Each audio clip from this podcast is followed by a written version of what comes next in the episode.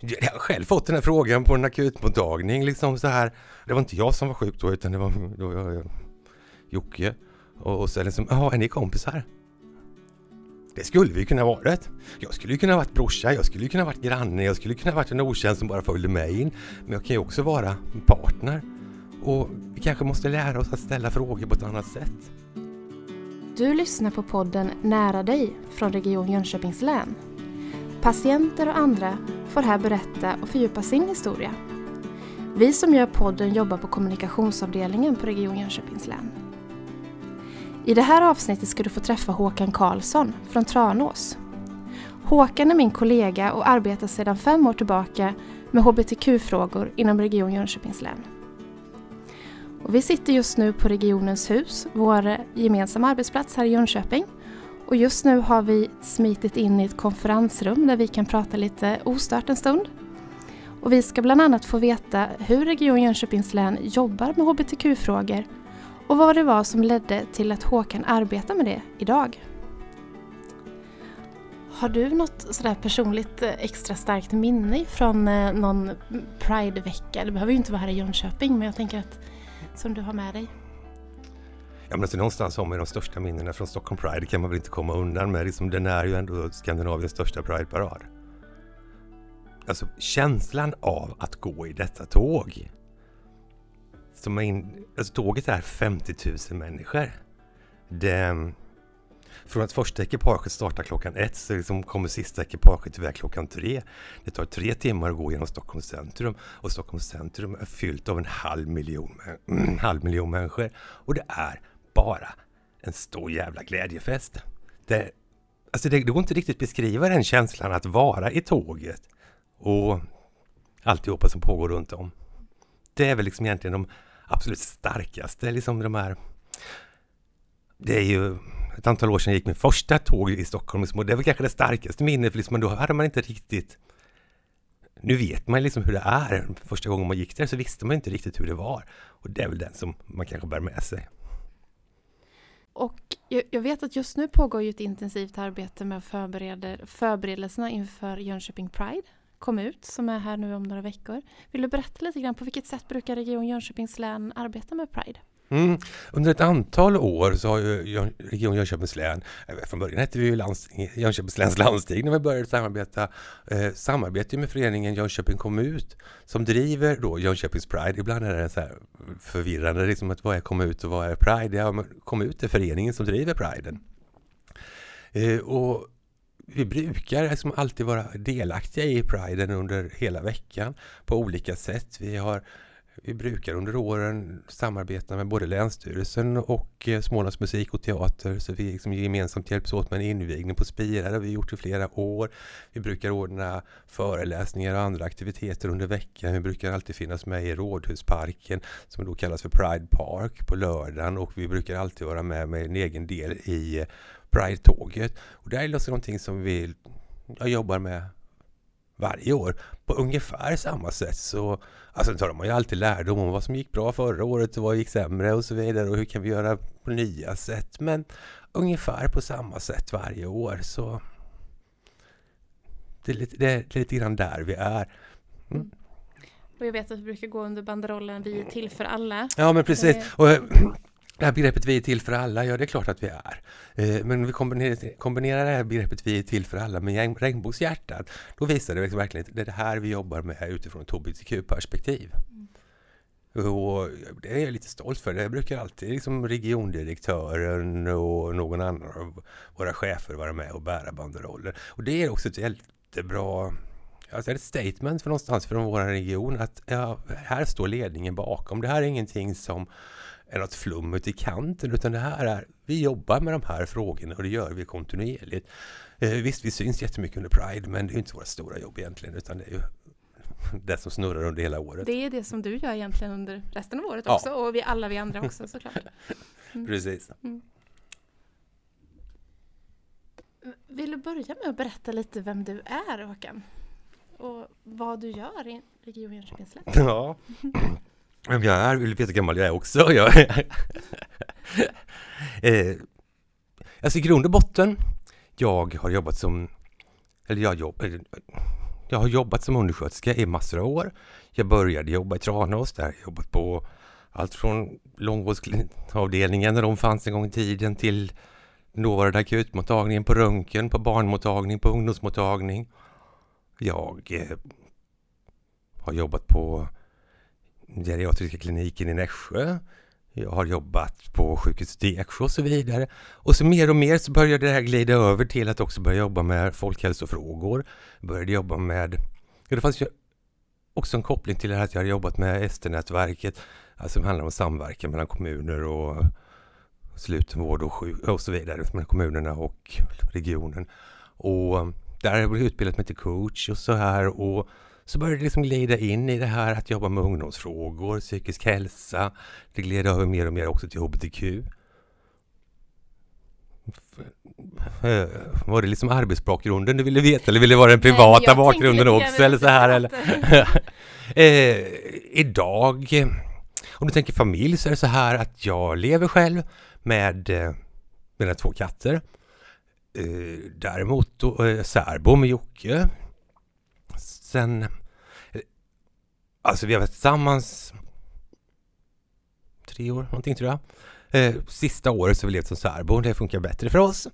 Eh, däremot själva min familj är rätt så stor, har eh, barn, barnbarn. Eh, Jocke har barn. Eh, mitt ex, hon eh, hade en son innan vi träffades också och han har en relativt stor familj. Eh, mitt ex, eh, hon är min bästa vän och så när familjen ska samlas allihop och så blir vi rätt många så liksom den är så brokig skara på olika människor och är det är rätt gott egentligen. Mm. Och så mitt i alltihop så har man en morsa på 86 bast och liksom, ah, hon tycker det är rätt coolt. Hon, den som, hon tar det väldigt lugnt. Ibland så hör man ju det här liksom att ja, men gamla människor har svårt för det här. Nej, eh, förra året blev jag, ja förra året när jag var på Pride, om vi ska ta någon sån här minne med min mamma, så eh, ville Radio Jönköping ha en intervju dagen efter invigningen. Man hade festat, man hade varit på invigningen på Stockholm Pride, man hade festat, kommit hem relativt sent och de ville ha intervjun klockan åtta på morgonen. Och jag gick med på det här i ett svagt ögonblick. Och så jag sa nog någonting som kanske inte var så bra sådär morgontrött i radion och så säger min mamma nu liksom så här senare att du, jag hörde dig på radion. Oj, jag tänkte på med den känslan. Det var väl oförskämt att ringa så tidigt. Det var hennes kommentar, det var inte vad jag hade sagt. så, ja, jag kan känna att gamla människor kan nog ta saker bättre ibland. De har en stor ryggsäck. Det har hänt mycket saker i deras liv. De är vana vid att, vadå? Eh, när vi ändå är inne här på den här frågan, vill du berätta lite grann hur det var när du kom ut och berättade för din familj om din sexuella läggning? Så det här med min sexuella läggning, det har väl inte varit så svårt egentligen att komma ut för någonstans har väldigt många i min omgivning ja, både vetat eftersom jag sagt eller också förstått ändå. Jag har betraktat mig själv som bisexuell i stora delar av mitt liv. Idag ser jag mig väl egentligen mer som gay. Men eh, då är det ju inte så konstigt att leva med en kvinna och samtidigt kunna tända på män. Så, så här så... Det, det har nog liksom bara sakta men säkert bara blivit så här. Det var väl i så fall det där sista, liksom när jag träffade Jocke och skulle presentera honom för morsan liksom och talade om liksom att du har träffat en ny. Jaha. Ja, men jag har träffat en ny. Ja. Det är en man. Jaha. Ja, vill du träffa honom? Ja, han får gärna komma hit och sen så liksom, ja. Sen var det så liksom det... För mina barnbarn har det ju aldrig varit något konstigt liksom att... För det blir det liksom så här med morfar och Jocke och så är det mormor och sen är det liksom, ja så där, liksom, alla finns ju runt omkring. Eh, mitt äldsta barnbarn, han blir sex nu då, han liksom har varit med i paraden här i Jönköping de flesta gånger. Han bara älskar Pride-paraden. Sen får man ju göra ibland så här liksom, som kritik att man ska inte släppa in barn i de här sakerna. Eh, för mig är det jättekonstigt bara så att, att den tanken ens finns. Jag är hans morfar och varför ska han inte kunna vara med mig när vi gör det här? Eh, vi tar med oss våra barn i våra andra verksamheter. Tillhör jag kyrkan så är jag med mina barn dit. Tillhör jag en idrottsförening tar jag med mina barn dit. Men bara för att jag då har en annan sexuell läggning än majoriteten i samhället så ska det vara stötande. Nej, det är väl lika stötande att vara heterosexuell då. Alltså det, för mig blir det bara ja, skitsnack. Mm. Jag tänkte, du berättade ju att du har en liksom lång erfarenhet av att jobba inom vården och du har jobbat på många olika ställen inom vården. Mm. Eh, är det någonting som därifrån, från de åren som du har jobbat inom vården, som du bär med dig nu när du jobbar med de här frågorna, hbtq-frågorna i, i din nuvarande roll? Jo, men det kan jag väl liksom känna så här att vården är väldigt eh, normativ, den bemöter folk utifrån ett perspektiv. Man tänker, eh, när man pratar sex, pratar man egentligen heterosex. Eh, man men det kan ju kännas så är fortfarande regionen testade mot klamydia på nätet. Så går man ut med snyggt. Det handlar om i så fall att du måste ha haft penetrerande vaginalsex för att kunna testa det på nätet. Vi är fortfarande kvar väldigt mycket i det här och liksom, de här tankarna har jag med mig och som försöker att jobba emot. Liksom, hur, kan vi, hur kan vi bredda det hela? Hur kan vi göra det på ett bättre sätt? Hur kan vi bemöta folk bättre och så vidare? Och alltså, Sen är det lite spännande så här, liksom vi säger, liksom, ah, vi pratar fortfarande ibland om att ah, vi har kvinnliga salar och manliga salar och så vidare. Mm, vem, hur vet vi vilken sexuell läggning patienterna har? Eh, vad skulle göra det bättre att det ligger två män eller två kvinnor och så vidare. Alltså vi har väldigt mycket normer kvar i hur vi tänker. Sen kan jag väl tycka att det är väldigt bra att man mer och mer jobbar med enkelsalar på sjukhusen. Det gör man ju liksom när man bygger om och det här. Men fortfarande finns ju de gamla stora fyra salarna kvar. Och, ja. Så tänker vi ju liksom bara om man skickar iväg folk på kurs, om det någon gång ska dela på rum. Ja, men då lägger man ju det man skulle inte blanda personal, kvinnor och män, men man kan liksom säga, nej men ni två, brukar jag säga ibland så här, är ni säkra på att han vill sova med mig då? ja, nej men så att det, det finns mycket saker liksom, vi, vi tänker inte alltid, utan vi bara gör och det, där behöver vi fundera om och tänka om och hur bemöter vi folk och så vidare. Mm. Hur kom det sig då att du började engagera dig för de här hbtq-frågorna? Och att du fick den här tjänsten? Alltså jag blev faktiskt tillfrågad om jag ville börja jobba med det här, att börja jobba med hbtq-frågor i regionen. Eh, man behövde, när man skulle ta fram den här diplomeringsutbildningen som vi använder i vår region, det gör vi i åtta regioner, så, så tittade man på ett koncept som användes i Västra Götaland. Det var därifrån man tog hem det hit. Och så behövde man ha folk som behövde åka dit och gå den här utbildningen. Då blev jag tillfrågad om jag ville gå den. Och så sakta men säkert så har det glidit däråt att man jobbar mer och mer med de här frågorna. Så alltså, man kan ju få skryta, ah, headhuntad. ja, absolut. Det får man göra. Ehm, du var inne på det här med diplomering och jag har förstått att diplomeringen är ju till för att man ska förbättra såväl bemötandet eh, och också arbetsmiljön för hbtq-personer inom mm. regionen. Ehm, och alla ska känna sig inkluderade. Hur, hur går en diplomering till? Och, och vill du berätta lite grann? V vad gör du egentligen när du diplomerar? jo, men alltså, som arbetsplats, och det här erbjuder vi både, alltså i första hand så är det ju liksom till regionens arbetsplatser, men vi har också breddat det. Så vi erbjuder det till eh, det vi kallar samarbetspartners, alltså kommuner och så vidare, där du jobbar med elevhälsa, studenthälsa och så vidare, eller, liksom, någon form av vård. Så vi kan liksom inte erbjuda det brett. Vi har ibland fått frågan, liksom, skulle ni kunna ta hela vår skola? Nej, det kan vi inte. Men vi kan erbjuda elever, som på er skola att bli hbtq-diplomerade. Den innebär då, vi, man måste ju liksom då givetvis komma överens om att vi hittar tid och så vidare. Men vid första tillfället så är det tre timmar vi träffas. Eh, det är både i föreläsningsform och diskussionsform. Så liksom att vi både liksom, det gäller ju att också interagera och prata med varandra. Eh, man, eh, därefter så får, en, får arbetsgruppen då jobba med en utvecklingsuppgift där man helt enkelt lite kritiskt granska sin egen verksamhet och det tycker jag är rätt viktigt. Titta på hur ser det ut hos oss? Hur, vad är det för jargonger hos oss? Hur ser våra väntrum ut? Eller hur ser våra arbetsplatser ut? Hur, är det med, hur märker vi upp toaletter? Hur skulle det vara för en transperson att komma till vår arbetsplats och behöva gå på toaletten när de märkt att här kissar män och här kissar kvinnor? Eller liksom är det faktiskt bara här är en toalett? Ja, men det är mycket sådana saker man ska titta på.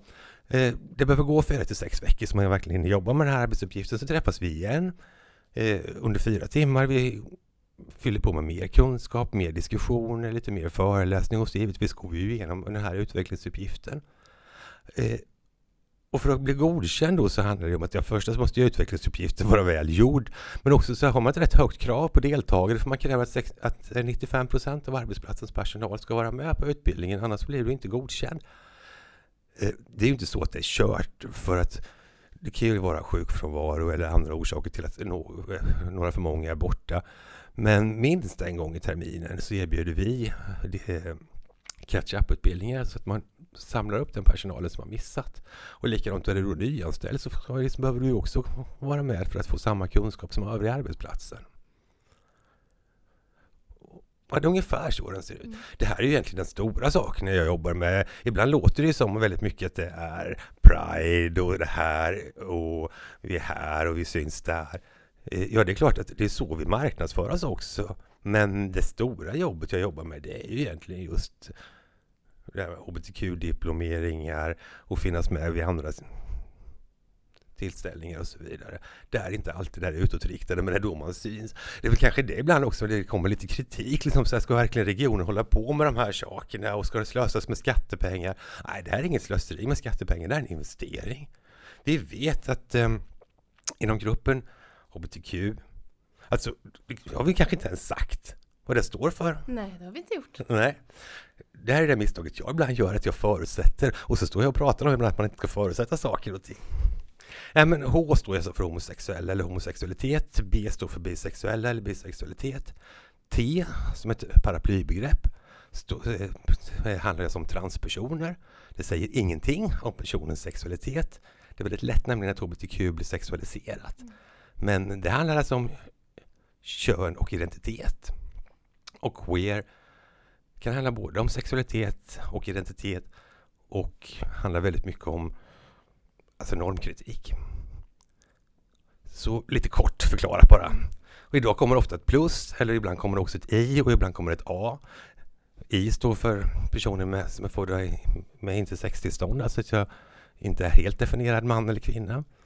Eh, a står för asexuell, det är också ett det, normer säger ju liksom att vi är sexuella varelser, men alla är ju faktiskt inte det. Och då blir jag väldigt också utanför norm.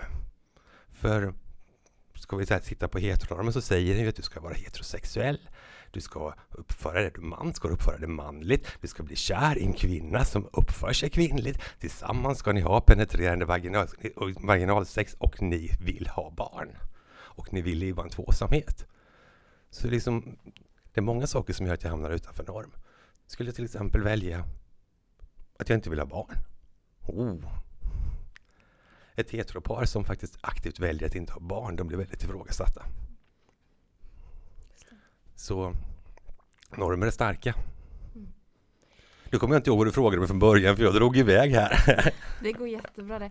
Jag tänkte bara, apropå det här med diplomeringen så har jag en fundering på, är det någon, vad är den vanligaste liksom, aha-upplevelsen bland de du möter inom när du är ute och utbildar och sådär? Är det något som du som brukar återkomma liksom? Som, Jaha, men det här hade vi inte tänkt på. Eller som du var inne på lite det här med fördomar och så. Ja, det kan... Det som griper tag mest i de som man har utbildat tror jag är den här filmen. Jag använder en kort film också, så här, hur mår unga hbtq-personer? För ofta får jag höra att eh, Ja, men det här är lite grann en generationsfråga, att det blir bättre med åren. Ja, jo, det blir det ju på ett sätt, men det handlar ju också om kamp och lagstiftning och annat. Men sen den här lilla korta filmen så är det ett antal unga människor som berättar. Och den griper tag i. Det här att, jaha, det är så här det ändå kan vara. Eh, att börja förstå att en kommentar kan skada så mycket som man inte tänker. I den här filmen så är det en ung kille som berättar när hans mormor pratar om hbtq-personer och, och de säger att det värsta är de där bisexuella jävlarna. De, och då säger han liksom, och då vill jag bara gråta. Jag är helt övertygad om att hans mormor älskar honom och är inte alls medveten om att hon sätter en kniv i ryggen på honom. Och de här sakerna, de personliga berättelserna som kommer i det här, det griper tag i folk och börjar få förstå att jaha, en taskig kommentar kan göra så illa. Eh, en taskig kommentar på min arbetsplats. Det kanske inte ens handlar om min direkt eh, min arbetskamrat. Det kan handla om att min arbetskamrats barn, familj, släkt, vänner. Så jag tror att det är där som aha-upplevelsen lite grann kommer att ja, det kan göra så mycket skada fast jag inte tänker.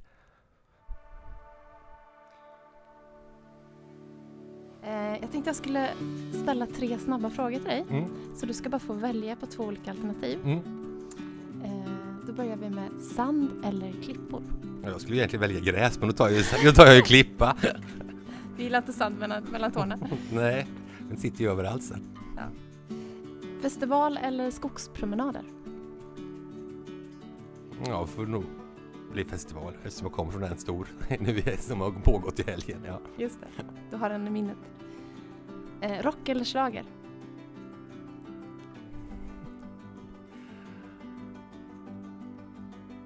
jag får väl ta slager då. Det, liksom, det måste liksom förstärka de här eh, fördomarna om bögar. Eh, sen är det ju så här liksom att egentligen så gillar jag de mesta sorters musik. Kombinationen kanske rockslager kanske? Ja, men precis. Skapa en ny musikkategori. Ja. Sen, nej men sen, alltså, beror precis på. Men eh, schlagerkvällen med Pride Park är ju faktiskt jäkligt kul så att ja. Och då helt plötsligt kan alla de enkla låtarna.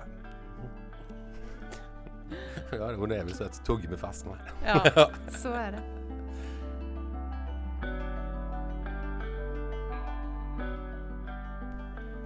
Jag har själv fått den här frågan på en akutmottagning. Liksom så här. Aha, eh, det var inte jag som var sjuk då, utan det var, det var jag, Jocke. Och, och så liksom, jaha, är ni kompisar? Så då bara gör man en förutsättning eftersom det skulle vi kunna varit. Jag skulle kunna varit brorsa, jag skulle kunna varit granne, jag skulle kunna varit en okänd som bara följde med in. Men jag kan ju också vara partner.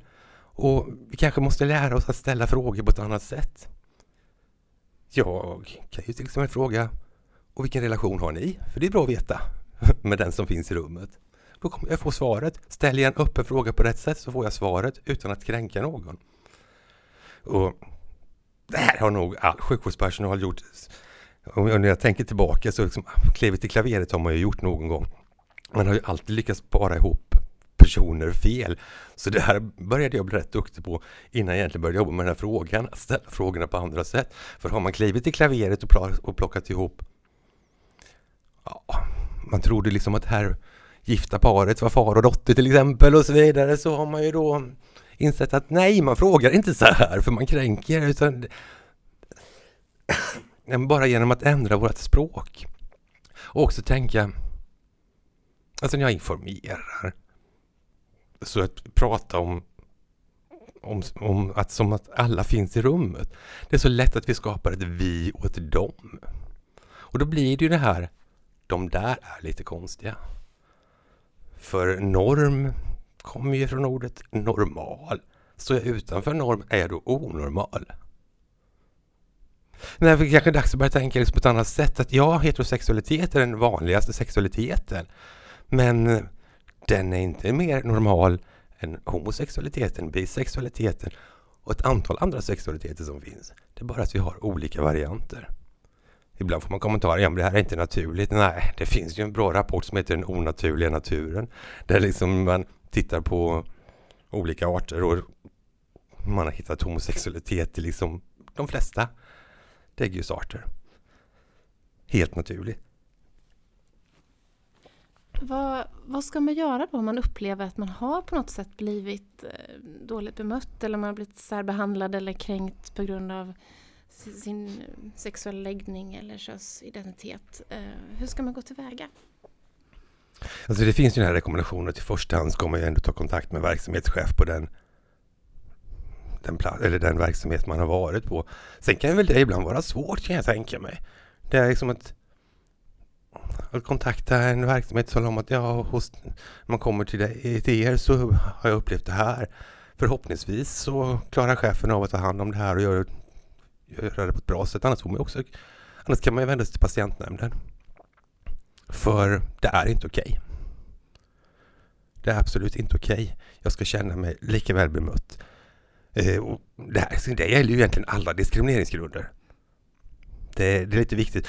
Den kommentaren får jag ibland säga, men vi kan inte bara jobba med den här frågan. Nej, vi måste jobba med bemötande i stort. Men eh, om vi inte börjar jobba med någon fråga så kommer vi inte komma någonstans. Men det är lite lätt kan jag känna att man gömmer sig bakom det och säger att ah, men vi kan inte bara jobba med hbtq-frågan, det finns så många andra grupper också. Ja, och det är jag absolut medveten om. Men om vi börjar någonstans och om du lär dig ett nytt sätt och ett nytt tänk så kan du faktiskt applicera det rakt av. För det är klart, som vårdpersonal, nu har jag, liksom varit på den, jag, är på den, har ju varit på den sidan också, så vill inte jag liksom direkt ha tanken så här att den människan jag har framför mig, undrar om den tillhör någon av, någon av diskrimineringsgrunderna. Här liksom, hur är det med kön, hur är det med religion, hur är det med sexuell läggning, hur är det med etnicitet, hur är det med och, och så vidare och så vidare. Utan jag vill ju hitta ett sätt där jag kan bemöta patienter oavsett och som fungerar för alla. Men om vi då börjar jobba i en av diskrimineringsgrunderna så kan vi börja applicera det här på alla. Så ibland känner jag att det är ett sätt att gömma sig och slippa vilja ta i frågan. Bara ha tanken att alla finns i rummet. Jag får ju ibland kommentarer. Ja, men jag känner ingen hbtq-person. Jo, det gör du, men du kanske inte vet det. Men då kanske du får fundera på det själv istället. Hur, vad är det som gör att du, de här människorna inte kommer ut inför dig? För om du inte känner någon hbtq-person har du nog väldigt få människor i din omkrets. Annars lär du känna dem fast du inte vet det. Ja. Det, det är väl bara så. Eh, det finns, det finns liksom överallt. Ja, jag tänkte på det här, vi, nu har vi ju pratat ganska mycket om hälso och sjukvård här i det här samtalet mm. och, och, hur eh, hälso och sjukvårdspersonal eh, kan jobba med bemötandet. Men, men ditt uppdrag tänker jag täcker väl in Region Jönköpings läns alla verksamheter? Ja, men absolut. För jag tycker liksom det här är jätteviktigt. Vi, som du säger, och sen är det ju tre perspektiv lite grann vi jobbar med. Det handlar ju om ett, de vi är till för. Alltså, vi är, det är inte bara sjukvård som vi jobbar med, men om jag tänker lite mer från sjukvård så handlar det liksom om våra patienter och så vidare. Men det handlar ju också om det här perspektivet, att eh, personalperspektivet. Att vem som helst ska kunna jobba här också. Jag ska känna mig trygg att jobba i regionen oavsett vem jag är och vilken sexuell läggning jag har och så vidare. Sen handlar det om på sikt också ett folkhälsoperspektiv givetvis, att förbättra hälsan i de här grupperna. Men som du sa, det här handlar ju om allting, men regionen är ju stor. Det är lätt att tänka bara som att region är bara sjukvård. Men liksom, det är ju allt från kollektivtrafiken till eh, teater, till musik, skolor. skolor. Regionen har ju egna skolor till och med. Är, vi har ju ett par folkhögskolor och vi har ett par eh, eh, nu ska jag säga, naturbruksgymnasier heter det nu för tiden. Jag ska inte säga fel, men det händer ibland att jag gör det. Så på, de, på, naturbruks, på ett, ett av våra naturbruksgymnasier har jag jobbat med elevhälsan. Jag både Sörängen i Nässjö, de har genomgått en hbtq-diplomering och Jönköpings folkhögskola här i stan, de eh, har påbörjat den. Jag träffar dem nästa vecka för andra omgången. Mm. Så det är många verksamheter man jobbar med. Mm. Får man ha lite olika ingång då tänker jag när du möter personal från olika typer av verksamhet eller är liksom grundkonceptet egentligen detsamma? Alltså grundkonceptet är egentligen detsamma men så Alltså, så drar man ju diskussionen åt lite olika håll beroende på ja, vad är det viktigt för dem? Jag menar, jag behöver liksom inte prata så mycket smitta kanske. Ja, men alltså det är bra att veta hur, det kan hur könssjukdomar kan smitta och hur, hur eh, för eh, oavsett så kan, den här kunskapen kan jag nog behöva ha som privatperson också. Så att, men jag lägger, liksom, jag lägger krutet på lite olika ställen beroende på vem det är jag jobbar emot. Men grunden är ju egentligen väldigt lik. Någonting som jag tycker är rätt kul, och det är också en utmaning, det är ju att i vår region så har ju studierektorsgruppen för AT-läkarna beslutat att alla AT-läkare ska gå igenom det här. Alla andra verksamheter egentligen är så att där har man ju verksamheten själv valt att vi vill, vi vill ha den här utbildningen. Nu det är väl inte så att alla i personalgruppen kanske liksom alltid vill ha den, men liksom verksamheten har bestämt det. Medan AT-läkarna har ju liksom egentligen inte alls bestämt det här, utan det är studierektorsorganisationen men eh, alltså det, det, det, är en utmaning men också förbaskat kul att jobba med de här. Jag tänker slutligen här apropå komma ut här nu som är Pride-veckan som mm. är här nu om, om bara några veckor. Alltså som vi, på, vi lever i ett samhälle med en heteronorm och att föreställningar hur man ska vara som kvinna och man. Och, eh, Eh, jag tänker på, har du något sådär tips eller råd för de som funderar lite kring sin könsidentitet och kanske ännu inte har kommit ut som gay eller som har funderingar på hur man ska, hur man ska ta det steget så att säga. Vad skulle du vilja skicka med? Alltså, när man hör... Ibland kan man bli så ledsen när man hör vissa berättelser. Och, men jag skulle vilja skicka med det ändå att försök att våga. Eh, om du känner dig väldigt otrygghet, hur skulle jag behöva komma ut? Hur, hur skulle jag göra? Testa att komma ut för någon som kanske inte betyder så mycket för dig. Att du testar liksom inte i din närmsta innersta krets. För om jag är rädd för att bli avvisad så kanske jag ändå behöver min närmsta innersta krets. Jag kanske får prova lite grann här långt ut i periferin. Hur skulle de här människorna reagera? Sen är det ju liksom alltid en... Det är en process någonstans. Eh, känner jag mig trygg? Vad har jag för uppbackning? Kan jag hitta... Kan jag hitta... Kan jag hitta liksom någon inom communityt om man ska uttrycka mig så? Kan jag hitta andra människor inom hbtq-kretsen? Så jag har någon att bolla med. För det är lätt att man känner sig väldigt, väldigt ensam i det här. Och hur blir det? Du har en rädsla. Hur kommer de ta emot det här? Kommer de tycka jag är äcklig? Kommer de tycka det är fel på mig? Eh, det finns ju till och med en del människor som blir utsatta för omvändelseterapi. Det är klart att tillhör jag då en grupp i samhället som kanske, jag till och med kanske vet att här pratar man om att det här är sjukt, eh, man borde bota det och så här. Hur skulle jag göra då för att komma ut? Och då tror jag det gäller att hitta, kan du hitta någon som Alltså, alltså, inte hålla i handen eh, bokstavligt, men ändå liksom lite billigt. Finns det någon som jag kan känna att, eh, med den här personen känner jag mig trygg. Är det någon jag kan bolla med? Eh, blir man så här, det finns ju en risk också att jag skulle kunna bli utsatt för hedersförtryck och hedersvåld. Eh, det är så lätt att vi tänker hederskultur är någonting hos andra kulturer. Det finns hederskultur mitt i vårt svenska samhälle. Eh, och då tänker inte jag på liksom att det finns främmande, andra, andra kulturer, så vi har en mix här. Utan, eh, vi kan titta i, i det ursvenska samhället så finns det också en hederskultur.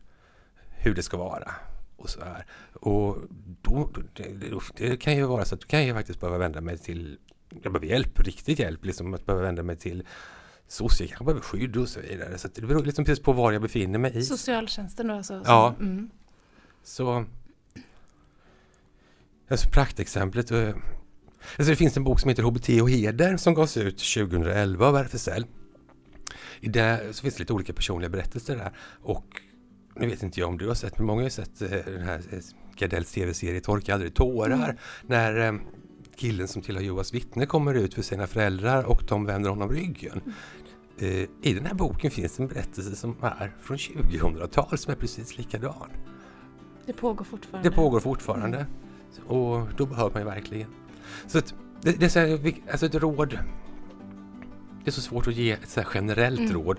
För det är så mycket, vilken situation befinner jag mig i? Men jag vill ändå liksom skicka med att våga. För att om du inte vågar så kommer du på sikt egentligen bara må sämre och sämre. Det är lite grann, att, att förneka sig själv är väl det värsta man kan göra. Även om det emellanåt kommer bli skitjobbigt och tufft så kommer de flesta ta emot dig med öppna armar. Eh, för det kommer ju ibland säga att ja, men det är inga problem i Sverige idag, det är lätt att komma ut. Ah, det beror faktiskt på precis vilken kontext jag är i. Det kan handla om, jag ska inte säga att det handlar om städer, för det kan handla om stadsdel till stadsdel, gata Ar till gata, arbetsplats till arbetsplats, eh, skola till skola eller till och med program till program. Du kan gå på samma gymnasieskola. I ett program är det jätteenkelt att komma ut, i ett annat program skulle det vara skitsvårt att komma ut. Så det är liksom så, det är så personligt, var befinner jag mig? Men att ändå våga. Det är nog det viktigaste, att våga stå för vem du är. Det, det kommer ibland kosta, men för det mesta så tas det emot väldigt väl.